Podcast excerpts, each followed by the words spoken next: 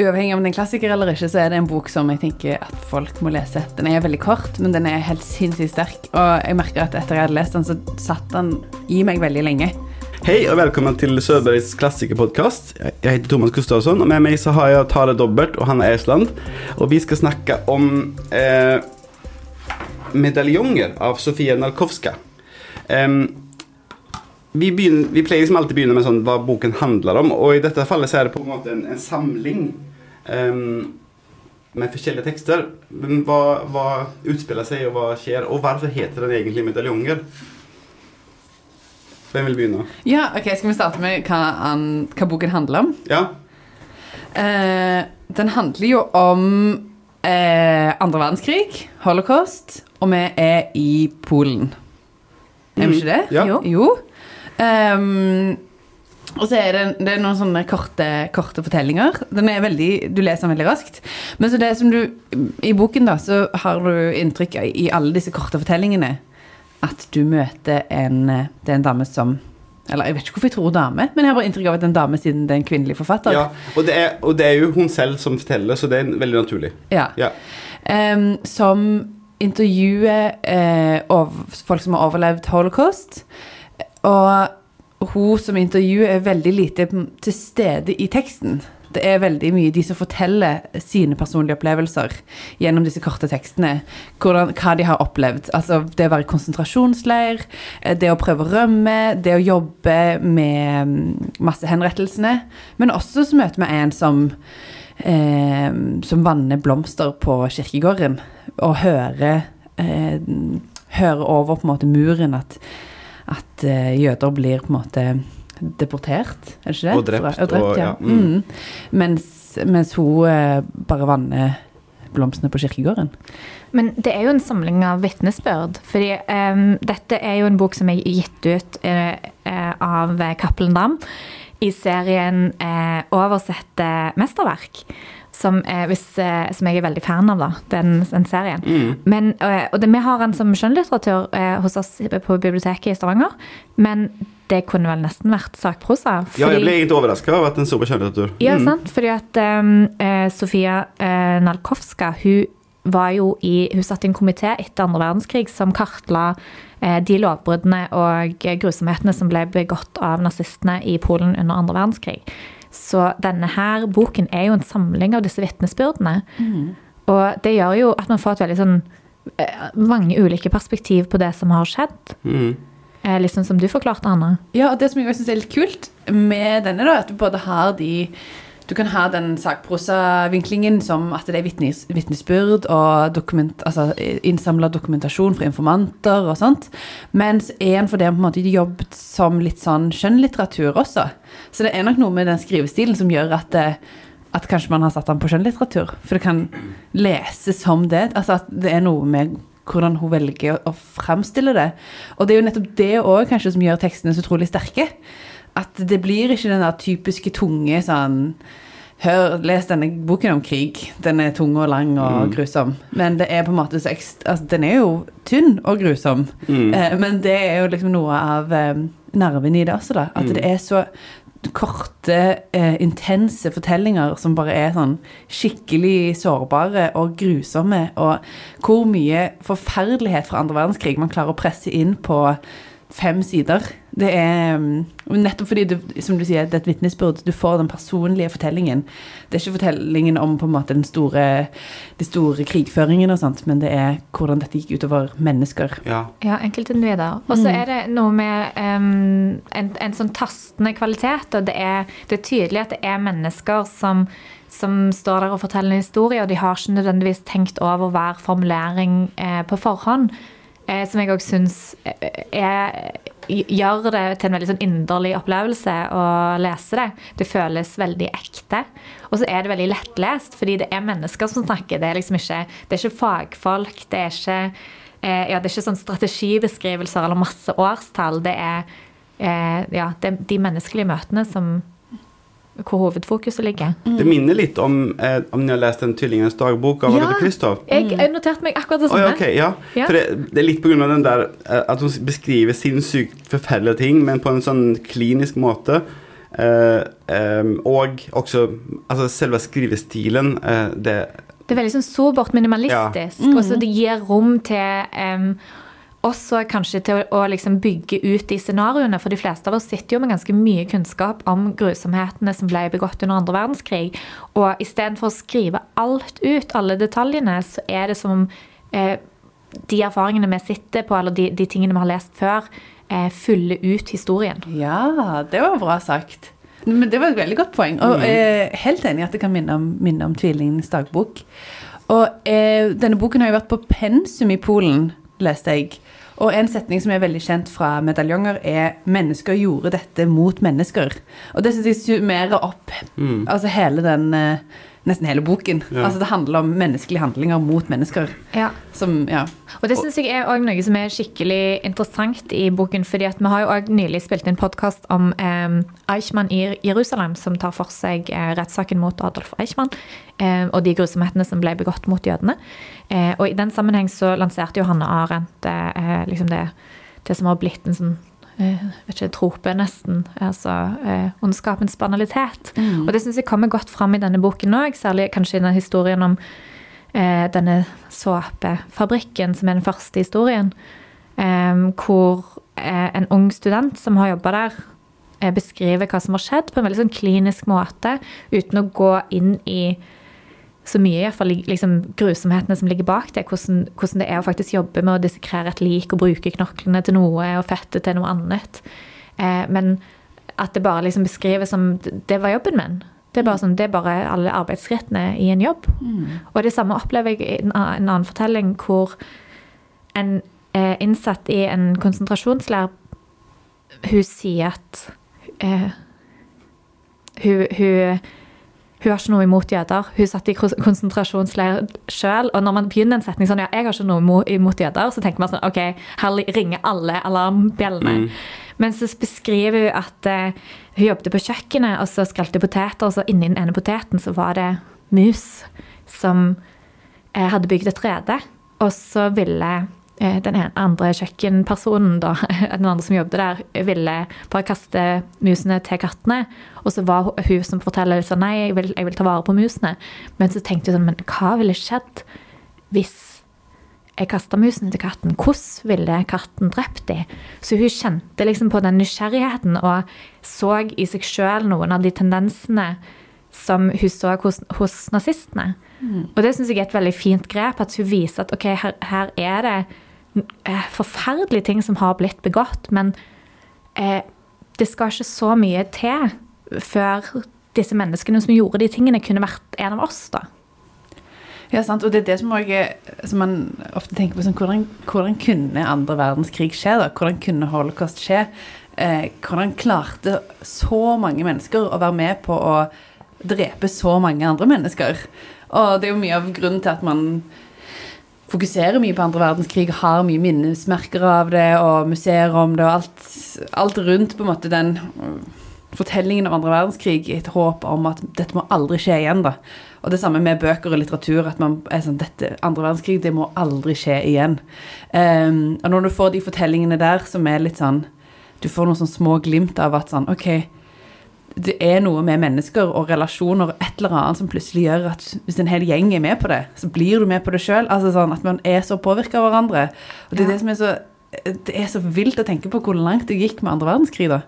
Og det er jo så fint å egentlig høre at denne boken er Jeg vet ikke om han fremdeles står på pensum i Polen, men, men nettopp fordi han bringer inn ulike perspektiv og, og vise altså Det er jo ikke bare liksom, jødiske overlevende som kommer til ordet, det er vel stort, en stor variasjon av mennesker.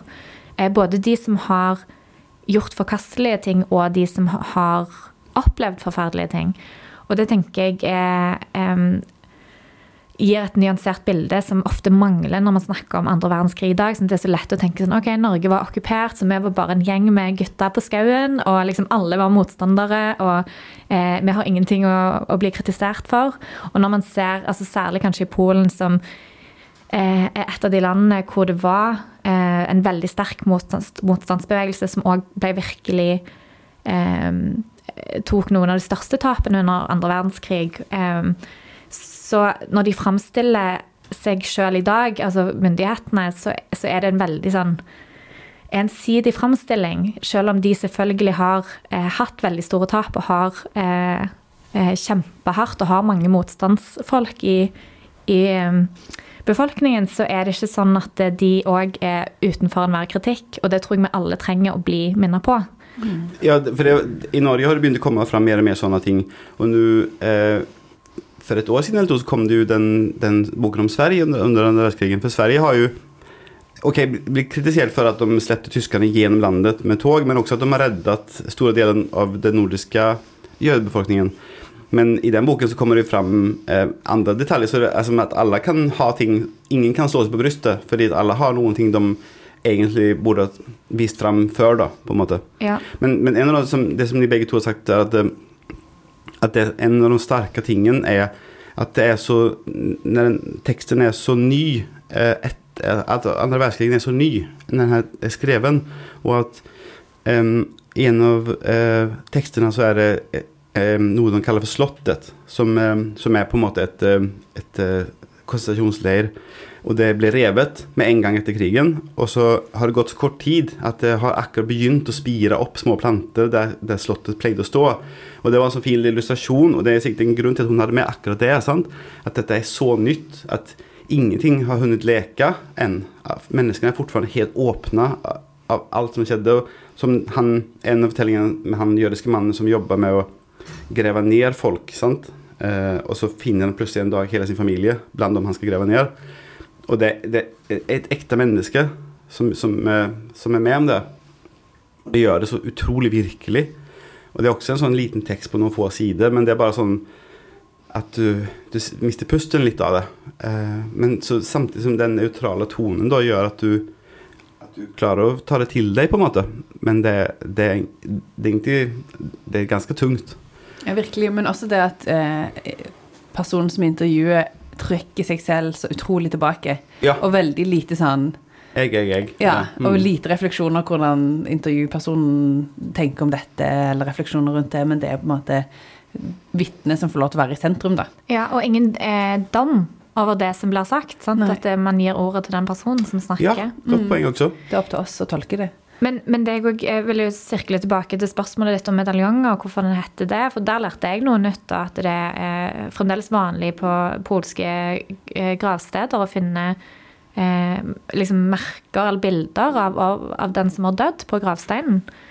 Eh, og det tenker jeg òg er et sånn sterkt bilde, en, en slags form for eh, heder, eller en måte å minnes de som har dødd, da og kalle historiene for medaljonger. Og dette er noe vi på en måte skal bære med, med oss. Noe som, en erfaring som er forferdelig, men verdifullt, som man må på en måte se på, selv om de er vekke. Det er sånne snublestener som vi Ja. har her. Mm. var, du hadde noe du Ja, jeg òg tenkte på det, fordi, Ja. at, altså, fordi den heter medaljonger pga. denne tradisjonen ved å ha bilde av den døde på gravstøtten. Men i alle fortellingene, eller mange av fortellingene her, så handler det jo om en sånn massehenrettelse av veldig mange folk som havner i sånne massegraver, eller hva heter det? Sånn, ja. Eh, og de eh, ender jo opp på en måte Ved å være så mange som dør sammen eller blir henretta i hopetall, så blir de jo anonyme. Altså De får ikke den verdige graven. da, De får ikke muligheten til å ha sin gravstøtte med sitt bilde på. Og veldig mye sånne minnesmerker av alle som har dødd. Det er jo bare en lang liste over navn. Selvfølgelig, det er jo eh, det er jo bra at man ja, som du sier, med snublestein og sånn, det blir plutselig enda mer personlig. Men det at du Det er fortellinger òg om de som Mm. faktisk ikke fikk, eller har fått muligheten til å liksom få sin medaljong på gravstøtten. At det blir eh, Når det er mennesker, altså så mange som er henrettet, så er det akkurat som at det blir så upersonlig da, i forhold til det det blir med den ene spesifikke medaljongen, ditt bilde på din gravstøtte. Som jeg òg syns er et fint bilde på, på hva den Ja, sånn som du òg summerte det opp med at eh, denne her blir på en måte en slags medaljong da, på, Mm. på livet som er levd. I Sverige, i Göteborg, der jeg kommer fra, så er det jo flere jø- jødiske kyrkogårder. Og da eh, er det vanlig med den typen ting ennå. Med kanskje i hvitt eller en sånn som en relieff med eh, et, et slags tredimensjonalt tredimensjonelt portrett av mennesker som ligger der. Og det er veldig vakkert, og, og det, det, er et fint bilde. Men er dette en, jeg vet ikke om dere vet det, men er det en, en spesifikk jødisk tradisjon med disse medaljongene, eller er det polsk, begge deler? Det, det virker jo helt som at det er polsk. Ja. Eh, så det kan være at østeuropeiske jøder har tatt opp den, den tradisjonen fra Polen, eller om det er omvendt. Jeg vet ikke. Ja, jeg, Det fikk meg på en måte til å tenke, og det er liksom sikkert en, en større liksom, Dette er jo bare eh, assosiasjoner. Men jeg tenkte litt på at eh, under andre verdenskrig så ble jo eh, de fleste jødiske befolkningene i ulike land tvunget til å ha en stjerne på, på klærne sine mm. som identifiserte de som jøder.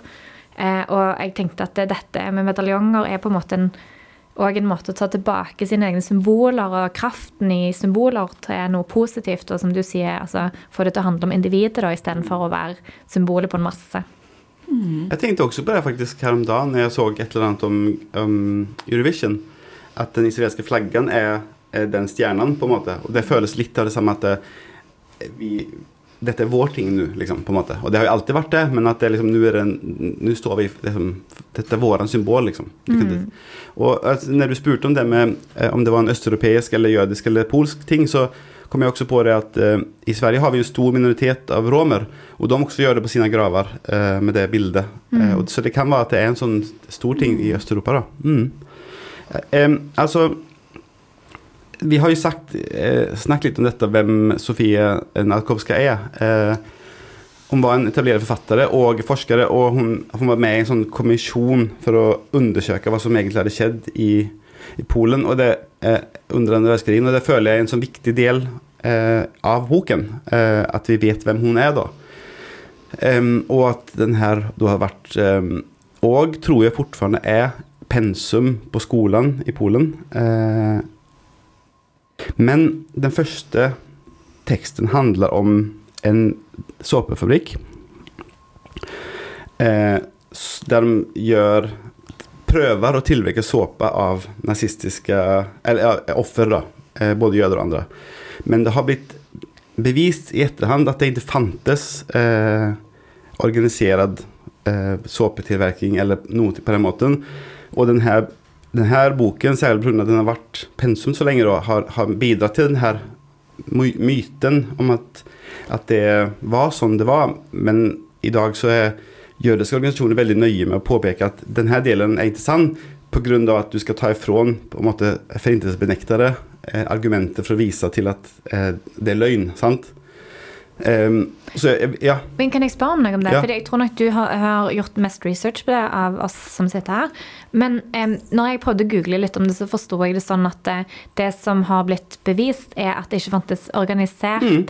en organisert innsats. Mm. Og når man leser fortellingen, så framstår det heller ikke som om dette eh, nødvendigvis var noe som skjedde overalt. men Um, Ut ifra mine veldig overfladiske undersøkelser så ser det ut som at den, den eh, eh, personen som det ble referert til der, kan ha gjort sånne eksperimenter. Ja, og det er ikke sånn at jeg sier at denne fortellingen ikke er sann.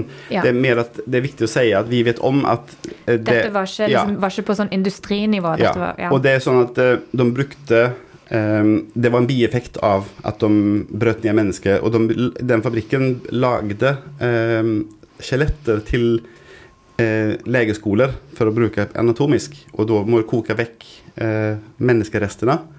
Eh, og da er det en bieffekt en bi, eh, Et biprodukt. biprodukt ja. Eh, men det er bare viktig at, å si at det her er en ting som vi vet om, og at eh,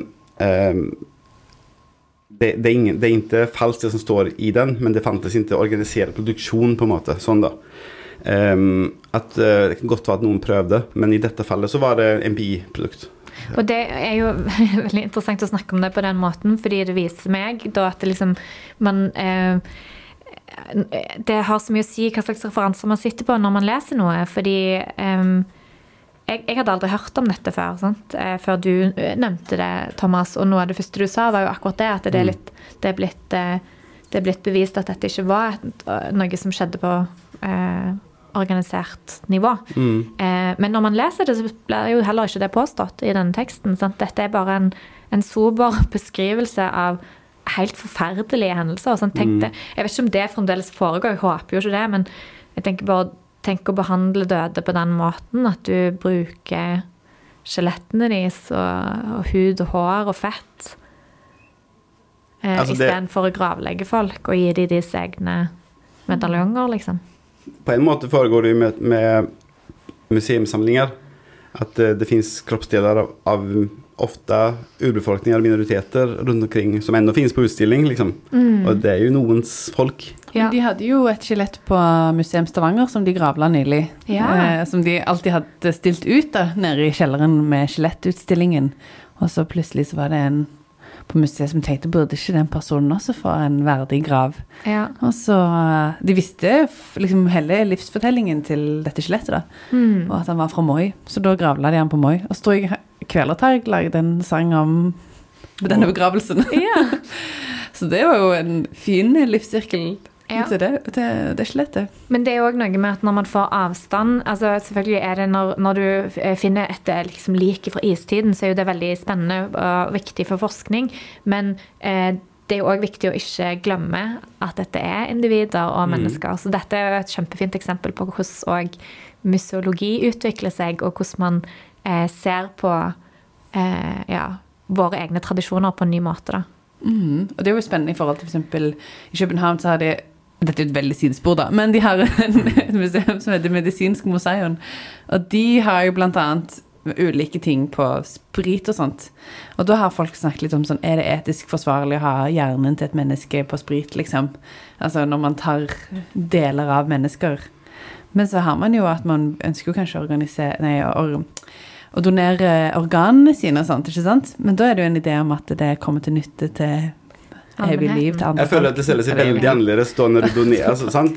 Det kan man jo gjøre i dag, Mm. men at det, om en eller annen fyr som de fant, eh, eller, eller de egentlig bare stjal eh, levende eller døde mennesker Mm. det, Ja, og så ja. er det, her er det viktig å sirkle tilbake til hva som faktisk var tilfellet her. Og, og selv om det ikke blir spesifisert hvilke eh, krigs- eller ofre for eh, Altså krigsofre som, eh, som de lager anatomiske skjeletter og såpe av, så er det jo eh, Jeg vet faktisk eh, av research hva det, hva det er her da. Ja. Og det, det er alle, alle mulige typer mennesker, både tyskere eh, og eh, polske mennesker og jødiske og andre.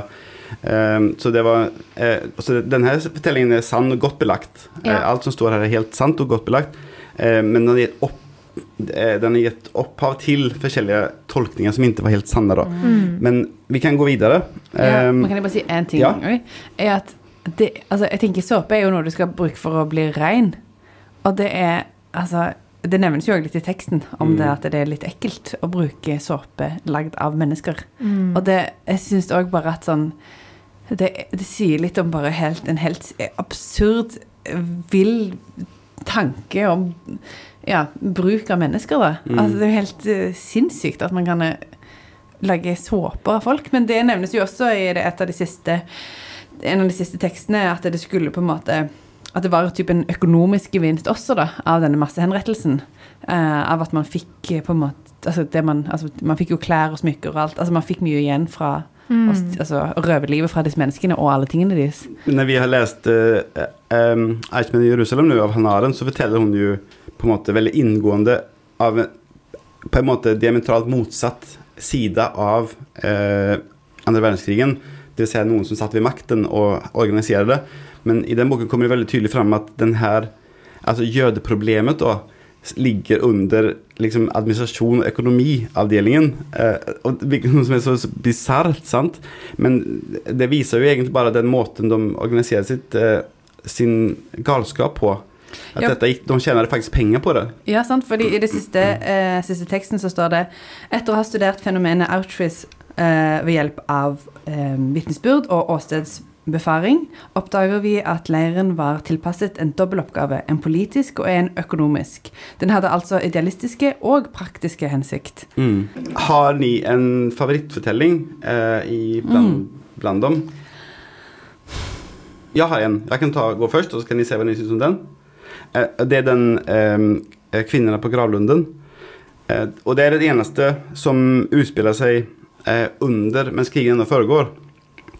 Og da er det en kirkegård som ligger på en måte Og hun som jobber der, eh, hun går og vanner blomstene på gravene, og så eh, sier den teksten sånn, sånn, sånn her om, henne. Eh, Kvinnen på gravlunden har fylt vannkannen og går mot blomsterbedene. Hun er den man av og til snakker med om ting som hører døden til. Det er, sånn, det er hennes presentasjon, da. Og så eh, bor hun ved siden av muren til den jødiske gettoen.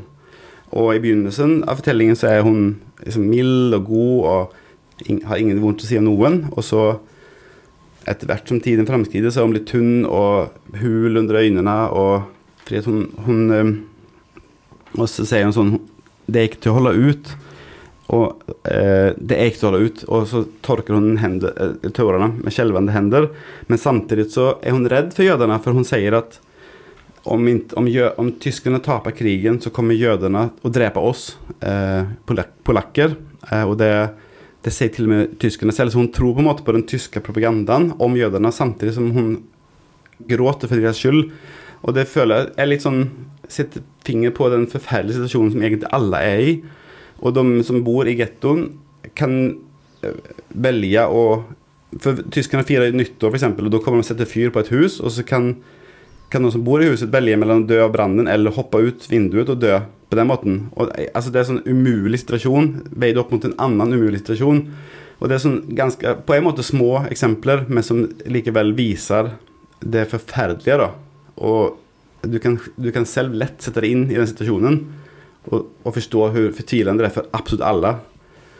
Og hvilken umulig situasjon folk er som selv ikke blir drabba også.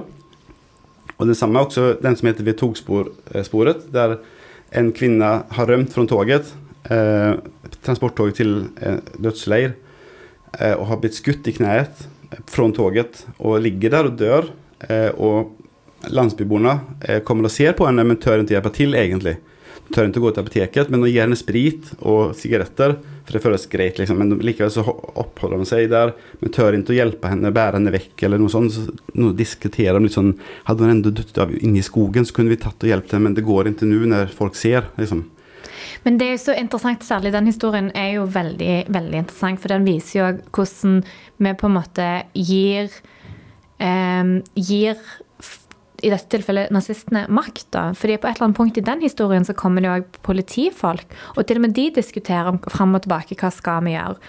Eh, så her er det så mange elementer i den korte historien med, for det ender opp med at han ene som faktisk går og kjøper sprit til denne kvinnen, han ender opp med å skyte henne. Politifolkene vil ikke gjøre det. Og så sier vitnet sånn Jeg skjønner ikke hvorfor han skjøt henne. Man skulle tro at han syntes synd på henne. Men det, det han gjør, er jo det mest barmhjertige. Fordi alle andre står og nekter på en måte å gjøre noe, og de, de hvisker og tisker og redd for konsekvensene. Som er reelle, selvfølgelig. Men hvis de bare hadde bestemt seg, alle som sto der, for at ok, nå hjelper vi denne kvinnen, så sier vi det ikke til noen, så hadde jo ingen visst om det. Mm. Jeg skulle akkurat si det samme, det med at han er den eneste som gjør noen ting. Ja, mm. Og det han gjør, er å ta livet av henne, Ja. men, men han, han hjelpte henne ut av den ut av den situasjonen. Hun ber jo alle om å hjelpe henne på den måten, fordi hun vet at hun kan hun kommer, Den eneste utveien for henne er døden, og hun vil heller ha en rask død. mm.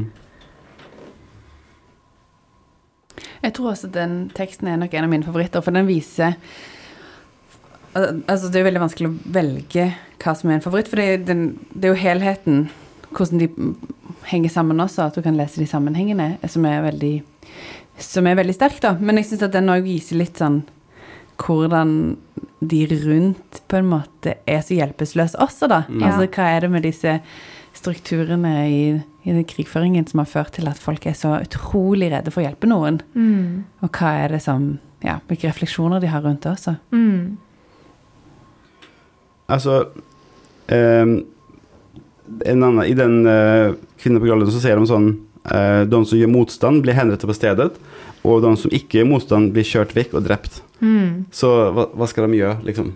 Eh, og så den som, handler, den som handler om toget, der hun forteller om at no, de har valget men det er mulig å brekke opp gulvet i togveien og så ta seg ut.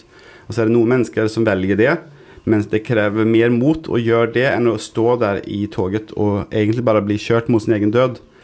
Eh, og den der umulige valget, og, og den Jeg syns at selv om hun er såpass nøytral skildrere av det som skjer, så kanskje det bidrar til den der den der eh, desperasjonen som er at dette er mine to valg. Liksom, jeg kan hoppe ut gjennom gulvet, kanskje havne under hjulen på toget, eller jeg kan vente i en dag, og så kanskje jeg blir drept Det her kommer fram.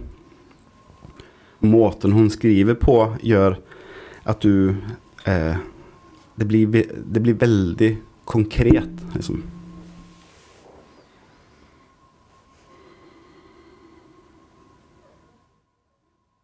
Ja, hva sier vi? Er det en klassiker?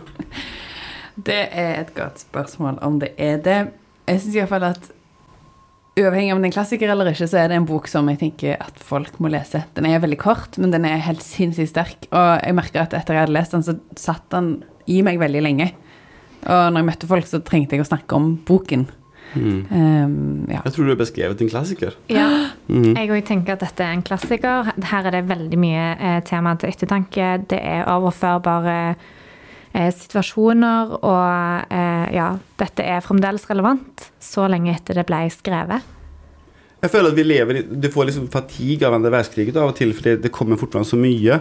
Men dette var en sånn fortelling med så nære ting at det føltes så det, det er lett å glemme at det er ekte mennesker. sant? At det er noe som skjedde for 80 år siden.